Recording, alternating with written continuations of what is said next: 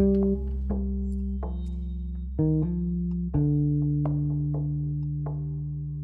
this is insane. I've never seen this in any other country. Never in my life. People eating from the trash, fighting about it. Eh, når så mange er ensomme, så ligger jo på en måte ikke dette på, på individleger. Det ligger på systemet. Vi er i ferd med å ødelegge evnen vår permanent kognitivt i hjernen til å konsentrere oss over lengre tid. Radio Novas samfunns- og aktualitetsmagasin gir deg historiene, sakene og debattene andre overser. Aldri redd, alltid balansert. Opplysningen 99,3. Det stemmer, du hører altså på Opplysningen 99,3 her på Radio Nova denne fredagsmorgen. Vi eh, sa at vi skulle snakke litt om Emmanuel Macron. Gjorde vi ikke det, gutta? Jo, det stemmer.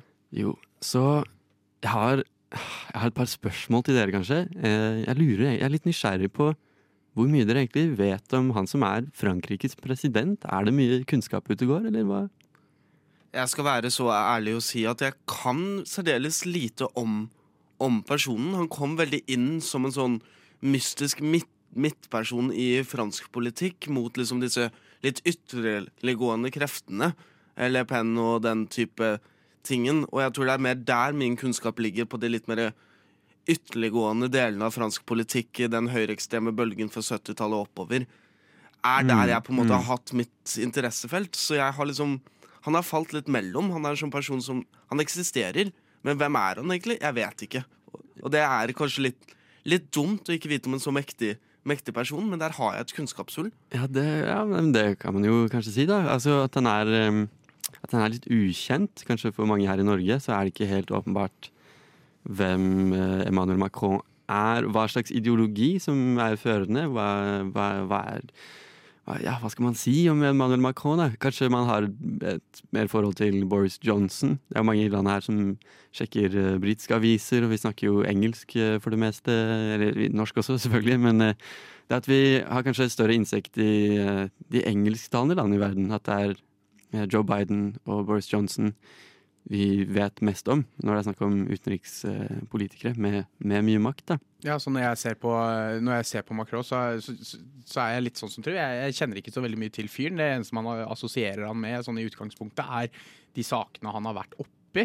Som for eksempel så var det jo veldig mye De hadde jo en lang debatt om, eh, om denne her pensjonsalderen i Frankrike, og så gikk, gikk de over til den derre eh, gule vest-revolusjonen, nesten. I, eh, om, det var vel om noe olje- eller energipriser og noen sånne ting.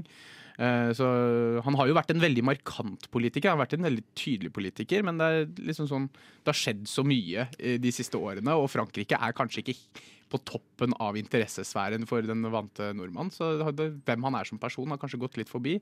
Annet enn som vi kanskje snakket litt før, eh, før sending her i dag, at eh, de, det er litt rart at en så prominent politiker kanskje er mest kjent for at han, han er gift med, en, med tidligere læreren sin, som er noen og 20 år eldre, eller noe sånt. Ja, men det, jeg syns du er inne på mye fint. Jeg, karer. jeg tror det her eh, kan hjelpe oss å gå inn i Altså sette, sette grunnlaget her for å prøve å svare litt på hvem er egentlig Emmanuel Macron? Hva, så det har jeg tatt eh, litt nær, altså, en litt nærmere titt på i stikket dere får her.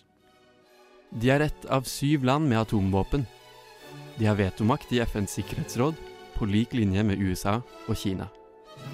De kaller seg Den franske republikk, og deres president heter Emmanuel Macron. Her i Norge kjenner vi ham best fra TV som mannen med sterke meninger. make our planet great again. På hjemmefronten er Macron gift med sin gamle engelsklærer Brigitte Macron. En kvinne 24 år eldre enn ham selv. Men hvor mye vet vi egentlig om det som kan være Europas aller mektigste mann? Macron er fyren som bestemte seg for å kaste den gamle kokeboken til fordel for en ny oppskrift. I fem år, tilsynelatende uten noen førende ideologi, har Macron blandet sosialdemokrati med skattelettelser. Han har gjort oppgjør med Frankrikes kolonihistorie, men sendt det franske militæret til flere afrikanske land. Han anklages for å være en del av Frankrikes mektige elite, men er fortsatt populær blant yngre velgere. Hvordan skal vi klare å navigere disse motsetningene? Kan det være noen lekse her, også for norske politikere? Emmanuel Macrons første møte med makten skjedde under sosialistregjeringen til forrige president Francois Hollande. Ikke lenge etterpå forlot han partiet og stiftet sin egen bevegelse, En Marche. Et helt nytt parti i sentrum som greide å være både en grasrotsbevegelse og samtidig få med seg næringslivet og de velståendes velsignelse. France will not give up the fight. Macrons historie er fortellingen om et kollapset partisystem. Utenforskap, pragmatisme, mislykkede demonstrasjoner og helt nye politiske verktøy. Macron er den yngste presidenten i Frankrikes minne, og han er soleklar favoritt foran presidentvalget i april. Det kan bli ti år med makronisme i Élysée-palasset. For å forstå hvorfor må vi ta steget inn i det uforventede. Jeg kan nesten garantere deg at dette er første gang du hører om minnepolitikk. Og det er kanskje ikke helt klart hva det er for noe. Macrons minnepolitikk har tre nivåer. Økonomi, sikkerhet og republikanske verdier. På det økonomiske handler det om å gi noe tilbake til de som føler seg glemt. I periferien, der tidligere politikk har etterlatt seg høy arbeidsløshet.